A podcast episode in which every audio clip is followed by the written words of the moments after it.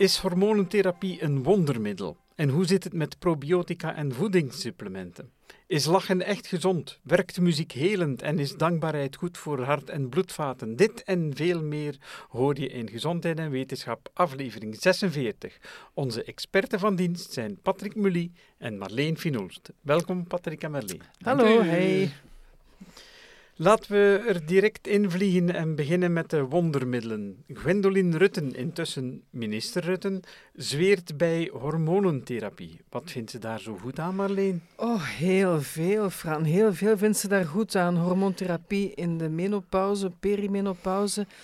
Uh, in haar geval, dus de jaren rond de overgang, wel, zij zweert daarbij. Zij zegt dat, het, uh, ja, dat ze daardoor veel meer energie heeft. Zal er van pas komen nu waarschijnlijk als uh, nieuwe minister.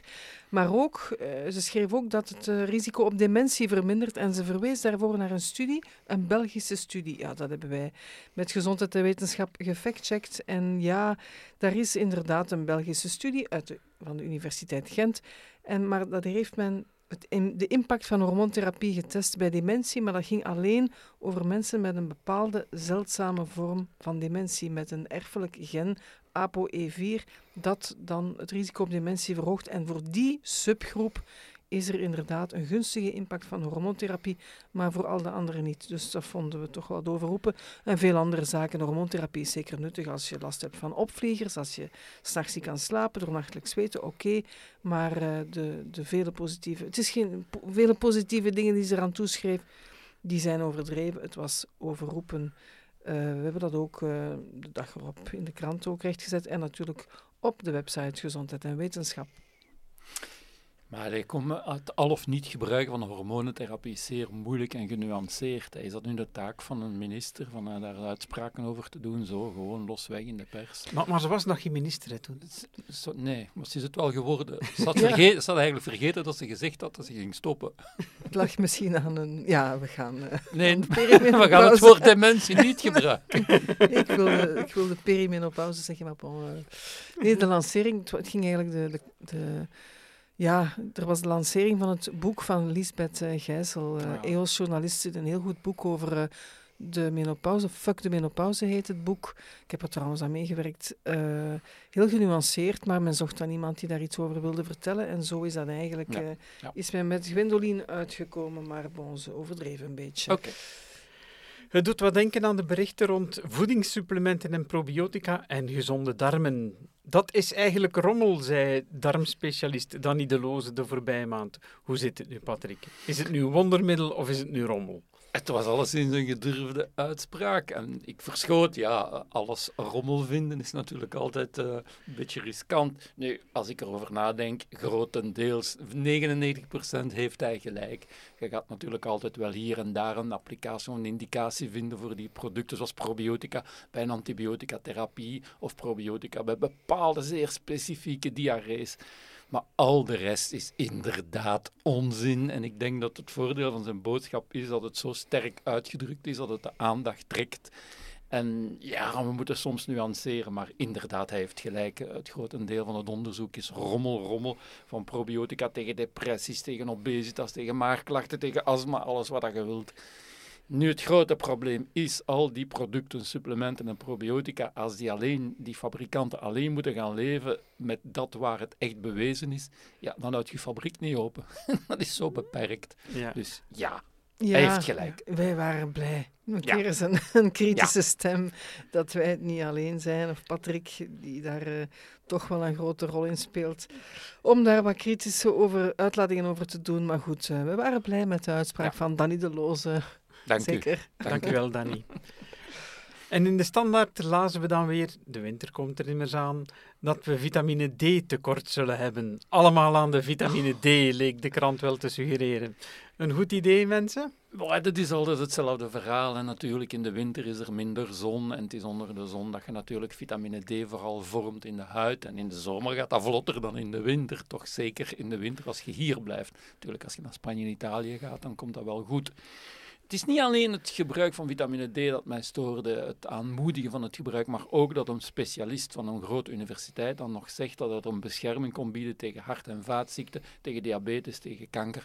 Kijk, dit was zo, ja, twintig jaar geleden dacht men dat. Vandaag de dag zijn er zeer grote interventiestudies die aantonen van nee mensen, het is geen wondermiddel. En spijtig genoeg, als onderzoeker vind ik zeer spijtig, als je eh, eigenlijk kanker zou kunnen genezen door gewoon een beetje in de zon rond te lopen. Ik zou het persoonlijk fantastisch vinden.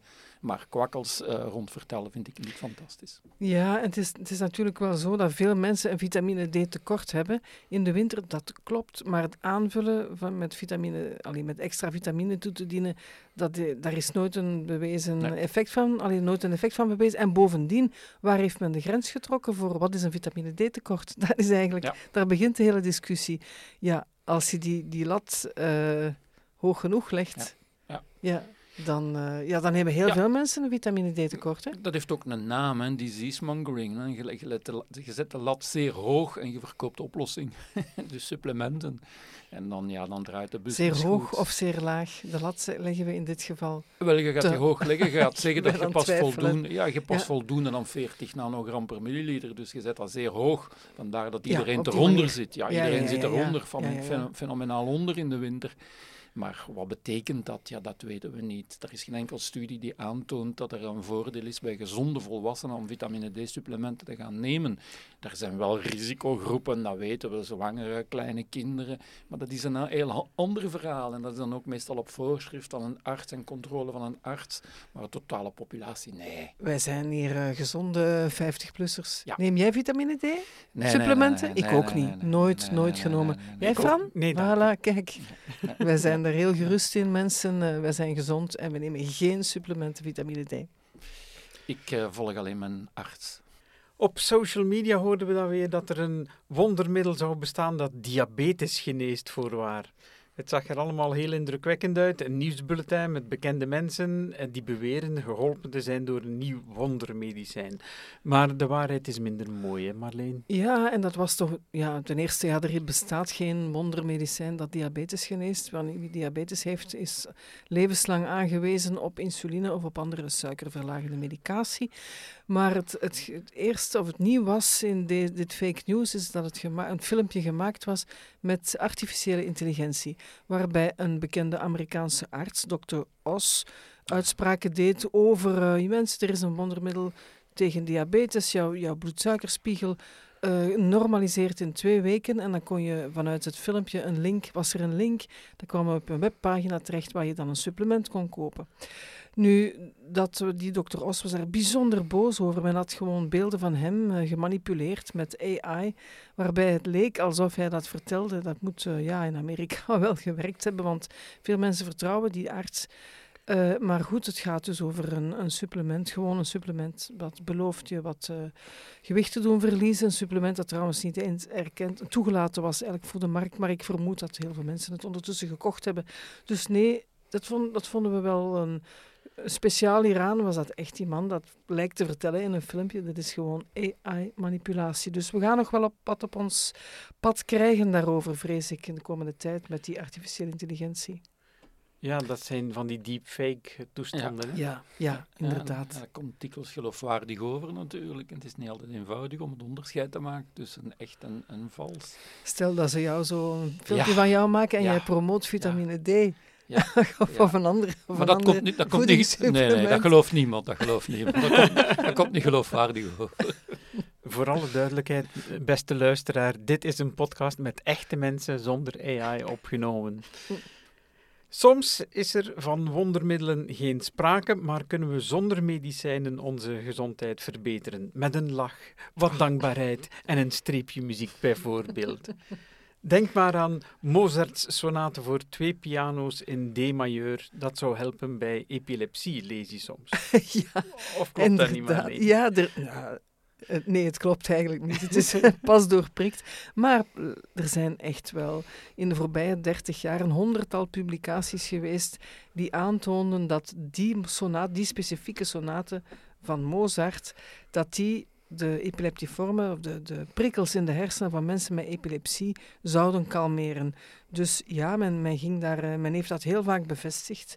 In onderzoek tot als iemand, een Hongaarse groep, ik denk dat het een Hongaarse groep was, een grote systematic review heeft gedaan, al die studies bij elkaar genomen, die auteurs gecontacteerd, die gegevens opgevraagd. Vaak kregen ze die niet. Het was allemaal een beetje, vaak waren er ook geen controlegroepen. Er was geen controle bijvoorbeeld met wat als je naar een ander muziekstuk luistert. En men heeft dat eigenlijk kunnen doorprikken. Dus nee, er is geen effect van de sonaten van Mozart op epilepsie, helaas. Het is ook nooit aangetoond dat epileptici ja, dat die minder epileptische aanvallen zouden doen wanneer ze dagelijks naar die sonaten zouden luisteren. Nu, ik denk dat je dat, als je dat iedere dag naar dezelfde muziek luistert, Dan krijg, dat daar eerst- krijg je epilepsie van. ik denk dat dat geen goede zaak zou zijn. Nee, het was wel een, een plezante deze keer om eh, te doorprikken. Nu, natuurlijk, de- dergelijke studies kunnen moeilijk blind gedaan worden. Hè, want uiteindelijk weet je heel goed welke muziek dat op je bord krijg. Dus, eh, Ja, pas op, maar ze hebben dan toch, er zijn onderzoeksgroepen geweest, die hebben het dan ook getest met muziek van Haydn. En dat bleek Ah. net meer prikkels te geven of negatief te werken op het brein van epileptici. Dat vond ik wel, ook wel heel grappig. ik maar ik zet bon. altijd de requiem van Mozart op als ik mijn belastingsbrief krijg. Oké. Maar he- heeft dan ook bijvoorbeeld niet eh, het rustig worden of het rustig maken door bepaalde muziek op te zetten, heeft dat geen effect? Ja, en dat verklaart natuurlijk ook waarom dat er zoveel tientallen studies over geweest zijn die wel een licht gunstig effect vonden. Gewoon ontspannen is eigenlijk belangrijk. Eh, mensen met een eh, epileptisch brein die af en toe een aanval doen in stress. Stress is een trigger Ja. voor epilepsie. Dus omgekeerd relaxeren kan, maakt ook dat je minder eh, epileptische aanvallen hebt. Men heeft dat dan ook vergeleken met stilte, gewoon genieten van stilte. Met, eh, ja, dat werkt, dat werkt even goed. Hè. Of Ja. naar een verhaal luisteren, alles wat ontspant is eigenlijk Of natuurlijke geluiden, vogels, Ja, bomen en zo verder. Dat kan ook ontspannen. Uiteraard. Ja. En als je een hekel hebt aan Mozart, dan, ja, dat gaat het zeker niet dan, helpen. dan wordt het zeker een probleem. In Brazilië is dan weer onderzoek gedaan naar de heilzame werking van lachen. Lachen is echt gezond, was hun conclusie. Is dat ook jouw conclusie, Patrick? Ach, je doet mij lachen. Jee, Dat is al weer een goed iemand, begin. weer iemand gezond gemaakt. Dat was een zeer, zeer kleine Braziliaanse studie op 26 personen. En 13 kregen dan een grappige documentaire of een grappige komedie te zien. En die mochten dan alle dagen lachen. En die andere 13 die kregen dan een documentaire, documentaire over, weet ik veel, de ondergang van de aarde en zo verder. En dan na een paar weken, wat hebben ze dan gezien? Dat bij die mensen die veel lachten, daar was de VO2 max, die capaciteit, die eigenschap van het lichaam om zuurstof op te nemen, die was gestegen. En bij die andere groep was dat dus gedaald. Als je dan weet dat je heel hard moet trainen om dat te bereiken, is lachen dan toch wel stukken gemakkelijker. Maar als je dan naar die studie kijkt, dan heb je een zeer eigenaardig fenomeen. Wij noemen dat regression to the mean. Dat is eigenlijk vrij ingewikkeld, maar heel gemakkelijk uit te leggen. Dus in de groep die veel lachten, daar was die VO2 max, die capaciteit om zuurstof te verwerken, zeer laag. En na een opvolging van een periode kon dat eigenlijk niet meer lager. Dat kon alleen nog naar boven. En gaat het omgekeerde in die andere groep, daar was die VO2 max zeer hoog. Om nog hoger te geraken, dat is bijna niet te doen. Dus die scoorde lager. Met andere woorden kreeg je eigenlijk een kunstmatig effect van lachen. Maar het mag gezegd worden, lachen maakt deel uit van gezonde eet- en leefgewoonten en ik lach graag. Ja, maar betekent dat dan dat ze de samenstelling van die groepen echt compleet fout gedaan Ja. hebben? De groep die eh, moest lachen, mocht lachen, die had een zeer, eh, wat is het nu, hoge, eh, lage waardes van VO2 max. En die andere groep zeer hoog. Dus dat was niet eigenlijk En mooi was, gerandomiseerd, zoals men zegt. Dat was en niet dat was wel hetgeen dat ze gingen meten. Dat was onder andere hetgene dat ze willen meten, dat we weten uit de studie. Want je moet eigenlijk weten, in veel van die studies meten ze enorm veel. En achteraf gaan ze kijken wat er is. Dus Ja. er is niet altijd een duidelijke hypothese op voorhand. Maar je hebt ook zo van die groepen van mensen die eh, verenigen of zo, die lachen, hè? Lach, Ja, lach, de lach- lachtherapie, hè, noemen ze dat toch? Ja, dat, dat, dat dat ontspant, dat, dat, lijkt, me, lijkt me heel plezant, zo'n groep eh, eh, lachen. Ik heb ooit een lezing gegeven in een, was een grote ruimte, een expo, en eh daar waren maar gordijntjes als tussenscheiding. En naast mij was er een werkgroep lachen aan de gang. En dat was niet gemakkelijk. Ik heb moeten wachten. Om, ik, ik lachte toen groen, want ik moest daar boven spreken. Maar die mensen hadden wel plezier. En die beginnen dan spontaan te lachen. Die beginnen eigenlijk zonder een mop of zo. Die beginnen te lachen. Dat is wel eh, heel grappig. Die beginnen op zich. eigenlijk het tegenstellen van spontaan te lachen. Die beginnen te lachen op, Ja, die beginnen inderdaad Ja, niet. ja. Ja. op commando beginnen ja, die op te lachen. Ja, ieder zijn ding. hè. Een Ierse studie beweert dan weer dat dankbaarheid hartaanvallen zou voorkomen. Mee eens, Patrick? Sinds ik dat gelezen heb, ben ik zo dankbaar, dagelijks. Mijn vrouw herkent mij niet. Hoe dankbaar is hij toch geworden? Ja, ik vond dat een geweldige studie. Alles wat mis kon doen, deden ze dan ook in die studie. Eigenlijk was ik zeer dankbaar voor die studie. Uh, ze hebben dus inderdaad gemeten dankbaarheid. En onder andere het oneindige aantal psychologische testen aan het begin van de studie. En dan tijdens de opvolging hebben ze gekeken naar het aantal hartaanvallen. En inderdaad, die mensen die eh, goed voor dankbaarheid, die dus eigenlijk een positieve houding hadden in het leven, die hadden minder hart- en vaatziekten. Punt. Wij, dat is het probleem juist, dat punt. Want ze hebben ook niet gekeken naar eet- en leefgewoonten. Het kan zijn dat die mensen die dankbaar zijn ook meer sporten en gezonder eten en daardoor minder hartaanvallen hebben. Dat hebben ze niet naar gekeken. Ze hebben niet gekeken naar de bloedcholesterolwaarden. Ze hebben niet gekeken naar bijvoorbeeld familiale voorgeschiedenis van hartaanvallen. Kortom, ze hebben enkel gekeken naar één element en dat geassocieerd met hartaanvallen. En dus het is eigenlijk een beetje nutteloos om iemand met obesitas die zwaar rookt uh, te zeggen dat hij dankbaar moet zijn om hartaanvallen te beperken. Ik denk dat dat slecht gaat mm -hmm. aflopen. En ook, het heeft ook, eigenlijk is het ook tevredenheid. Hè? Als je Ja. tevreden bent, Ja. In het leven, tevreden in het leven staat, ja, dan, min, ja, dan oké, heb je minder hartaanvallen. Je kan die dankbaarheid, denk ik, vervangen door tevreden, Ja, tevreden zijn. Je kan... de eh, mentaliteit, door ja. opvoeding, door Ja. alles. Ja, inkomen ook bijvoorbeeld. Ja, iemand met een hoog inkomen, ja, die zal dankbaarder en meer tevreden zijn dan iemand die alle dagen eh, het moeilijk heeft. Ja, daar Mhm. houden ze ook allemaal geen rekening mee. Ja. Allee, er zijn zo oneindig veel factoren die dat kunnen eh, uitleggen of mee uitleggen dat het eigenlijk belachelijk is van te Ja. focussen op Ja. dankbaarheid. En, hoe, Kortom, ja, het en zal hoe meet je dat eigenlijk? Ja.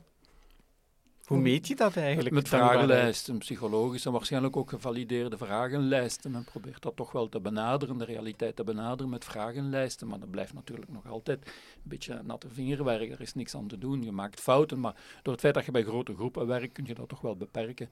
Daar ligt de fout, die denk, ik denk niet dat de fout daar ligt. De fout ligt in het feit dat in de verslaggeving, dus in het artikel zelf, veel te weinig gegevens zijn om te oordelen of dat nu echt dankbaarheid was dat dat veroorzaakte of geen andere factoren zoals eh, ja, roken en zo verder en zo verder. Ja. Je hebt bijvoorbeeld mensen die zo, hè, count your blessings, die je s'avonds opnoemen van wat is er vandaag, waar ben ik dankbaar voor Ja. vandaag, Ja. dat, dat, dat, dat. Dus dat, ik denk dat dat ook ergens een onderdeel was. Ik heb het toch eh, zo gelezen dat, eh, ja, zo kan je bevragen, wie, wie doet dat hier? En dat is dan een, een maatstaf Ja. voor dankbaarheid. Ah ja, ja. Maar dat laatste van die dingen opschrijven of, ja, of noem op wat je count of your opnoemen. blessings. Ja, dat Ja. zijn zo van die trucs die ze geven van aan mensen van, kijk eens naar de positieve kanten Ja, van, ja van dat, dag. dat wordt vooral gebruikt bij depressie en zo. Hè? Oké. Mhm. Lijkt mij nuttig te doen. Ja, dat denk ik ook. Nu, de studie heeft, heeft, heeft een verdiensten, hè, maar de verslaggeving is lamentabel. Ik bedoel, er zijn zoveel gegevens die ontbreken om echt conclusies te kunnen trekken. Dat je je afvraagt, maar hoe is dat nu Ja. mogelijk dat dat gepubliceerd werd? Dat dat door de peer review gegaan is en zo verder. En dat kan maar door één zaak verklaard worden. Dat is dat die auteurs betalen om te publiceren. Dus veel tijdschriften moet je 1000 tot 2000 euro op tafel smijten om eh, gepubliceerd te worden. En dan word je zelden geweigerd, want weigeren is geld weigeren voor die tijdschrift. Ja, en, en dankbaarheid koppelen aan hartaanvallen. Dankbaarheid is denk ik een heel Ja. positieve eigenschap. Maar eh, zoals je ook zegt, kan ook bij depressie en zo wel helpen om je mentaal wat beter te voelen. Maar dan zeggen dat je daar minder risico loopt op een hartaanval. Dat is natuurlijk weer eh, vijf stappen te ver. Ja. Laten we als uitsmijter nog even wat gouden raad van Tante Kaat onder de loep nemen. Wow. Hola, ik voel het hier al naar mijn richting komen. Ik kijk er naar uit. Zo horen we bijvoorbeeld vaak dat je een koude sleutel in je nek moet leggen bij een bloedneus. Waar of niet waar? Maar- Ja, nee, natuurlijk niet. En toch, ik vond het eh, een rare vraag die we kregen van Rode Kruis Vlaanderen. Van, daar moet je echt wel eens iets rond doen. Ik dacht, maar dat doet toch niemand meer? Toch wel, dat is een, een, een tip die je nog op heel veel websites tegenkomt. En het werkt. Want waarom werkt dat? Je moet natuurlijk, als je een koude sleutel in je nek legt, moet je je hoofd buigen. En dat is juist wat je moet doen bij een bloedneus. Je hoofd voorover buigen en eigenlijk ook wel dat bloedend neus gaat dicht, dicht houden. Die sleutel heeft daar niets mee te maken. Wel dat je je hoofd voorover buigt. Ehm, nu, de theorie is, als je die sleutel in je nek legt, dat die bloed, de bloedtoevoer in je neus vermindert. Maar dat is echt larie, dat is, eh, dat is flauwekul. Het gaat erover je hoofd voorover buigen En dat neusgat, dat bloedend neusgat, dicht, uh, hou, dicht duwen voor enkele minuten. En met of zonder sleutel, dat werkt even goed. Dus je hebt, je hebt geen koude sleutel nodig in je nek bij een bloedneus. Maar iets in je nek leggen om, om ervoor te zorgen dat je hoofd naar beneden blijft, lijkt wel een leuke... Ja, voilà. Dat is eigenlijk... En daarom werkt het natuurlijk. Ja. En dankbaar zijn. en ondertussen dankbaar zijn. En lachen. En lachen. En lachen. en supplementen nemen. Oh. Ah nee, net niet. Hè. Ehm, volgende advies. Blaren openprikken doe je met een naald die je hebt ontsmet in een vlam. Goeie Ja. tip of niet? Ja, blijkt ook niet zo'n goede tip. Waarom? Ehm, als je een grote blaar wilt openprikken, dan mag. Hè. Als een blaar hinderlijk is, eigenlijk hoef je geen blaren open te prikken, maar als, het- als die riskeert om te scheuren, dan wordt dat soms wel aangeraden om ze open te prikken en dan het vocht eruit te duwen met een, met een gaasje of zo. En dan, wat doen mensen dan? Je, hebt, je prikt dat open met een naald. Ehm, maar dat ontsmetten in, in een vlam hoeft niet, want als dat, na- zo'n naaldpunt wordt dan zwart en dat zijn roetdeeltjes die je dan in de blaar brengt. En wat daar in die roetdeeltjes zit, ja, dat is niet altijd zo, dat is niet altijd voordelig om dat op die eh, gekwetste Wonden, huid ja. te brengen. Dus dat is niet nodig. Eigenlijk gebruik gewoon een naald zonder die te ontsmetten. Eh, maar je kan wel best achteraf gewoon als de, de wonden dan ontsmetten en voordat je er een pleister op plakt of zo. Maar dus in de vlam steken eh, is geen goed idee. Omwille van de roetdeeltjes die Ja. erop achterblijven op de naald. Maar je hoort soms wel bij het Rode Kruis Vlaanderen bijvoorbeeld dat je een ontsmette naald moet gebruiken of een Ja, gesteriliseerde naald. Of, of- ja maar dat, dat, is, dat hebben we niet echt in huis. Heb jij gesteriliseerde naalden? Nee, nee, ik eigenlijk ook niet. Ik ook niet. Dus dat hoeft niet eigenlijk. Ik heb, eh, we hebben daar een eh, kort allee, overlegje over gehad. En ze zei, ja nee, het hoeft eigenlijk. Een eerste hulptip wil zeggen, wat heb je, haal iets uit je naaidoos, eh, prik die blaar open als je, dat al, als je dat al nuttig vindt. En ontsmet dan de wond. De, me- de meeste mensen hebben wel wat ontsmettingsstof in huis. Je hoeft daar geen steriele naald voor te gebruiken. Ja. Dus die naald ontsmetten met dat ontsmettingsvloeistof hoeft ook niet. Nee. Nog eentje om het af te leren. Op een huidwonde doe je roodsel. Of Roodsel, ja. ja, eosine, maar of hoe dat heette dat? vroeg- Vroeger toch gedaan, Ja? Mercurochrome, dat is ook ja, zo'n ja, vorm. mercurochrome, Ja, mijn moeder maakte daar dan zo'n zonnetje van en ik voelde mij direct veel beter met dat roodsel. Nu doet men dat al, ook al lang, eh, wordt ook niet meer daarvoor verkocht. Hè. De eosine, dat is eigenlijk, dat droogt vooral eh, wonden uit, daarvoor wordt dat gebruikt nog. Ehm, dat doe je best niet op een huidwonde. Waarom niet? Omdat het uitdrogen net de genezing blijkt te vertragen. Dus het is beter dat een, vocht en een, een wonde een beetje vochtig blijft. Dus daarom wordt dat roodsel niet meer gebruikt. En ook, het maskeert natuurlijk een infectie als je, daar rood als je dat rood maakt en dat ontsteekt. Ontsteken betekent ook dat die huid rood wordt, ja, dan zie je dat gewoon niet meer. Dus dat is een tweede reden waarom men zegt van, doe dat niet. Er zijn voldoende alternatieven in de apotheek. Ontsmettingsmiddelen kleureloos, veel beter. Eosine ontsmet eigenlijk niet. Mercurochrome ook amper, dus, dus geen, geen roodsel meer. Op een wonde geen zonnetjes meer. Oh. Dat vind ik erg. Ja. Wat ik er, het ergste vind, generaties al een stuk kregen van dat rood gesmeerd en moesten zo rondlopen op de speelplaats. En het Vond was je dat niet totaal nutteloos. Nee, Vond je ik dat vond niet het nee, ik plezant? vond het niet plezant. Oh, ik wel. Ik was dan wel trots op dat er zo'n zonnetje op stond. Oké. Mijn, mijn moeder kwam eigenlijk altijd af met ontsmettingsalcohol. Oeh, dat pikt. Ja, ik vond dat, na een tijdje vond ik dat leuk. Ah ja? dat is ja. toch, dat, dat brandt en dat pikt. Dus dat is ook, je hebt ook eh, ontsmettingsmiddelen zonder alcohol die heel goed ontsmetten. Dus het hoeft niet meer te, te pikken. Kortom, geen roodsel op huidwondes, geen naalden in vlammen, geen koude sleutels nodig bij bloedneuzen. Mozart zal epilepsie de wereld niet uithelpen en we kunnen niet echt stellen dat lachen of dankbaarheid onze gezondheid bevordert. En hetzelfde, hetzelfde geldt voor voedingssupplementen, vitamine D, hormonentherapie of wondermiddelen die je online ziet passeren. Ga naar je huisarts en volg het advies dat je daar krijgt, zei Patrick daarnet al. Tante Kaat, die zegt maar wat. Oh, het klonk weer allemaal redelijk negatief als je het zo bij elkaar zet. Maar eigenlijk, ja, spaar uw geld mensen voor Ja. eh, kerstcadeautjes en niet, geef het niet uit aan nutteloze supplementen. Nee, ik denk dat je beter loopschoenen kunt kopen of wandelschoenen. Dat dat veel meer zal doen Ja. aan je gezondheid Ja. dan heel die commercie. Maar die cd van Mozart, die mag wel, hè? Die mag. Voor onder de kerstboom. Ja, leg ze onder de kerstboom. Goed, alweer een heerlijk, eh, heerlijk leerrijk half uurtje. Dankjewel, Patrick en Marleen. Dankjewel. Fran. Wil je wekelijks wetenschappelijke gezondheidsweetjes in je mailbox? Haast je dan naar gezondheidenwetenschap.be en schrijf je erin op de nieuwsbrief. Bedankt voor het luisteren en tot de volgende aflevering.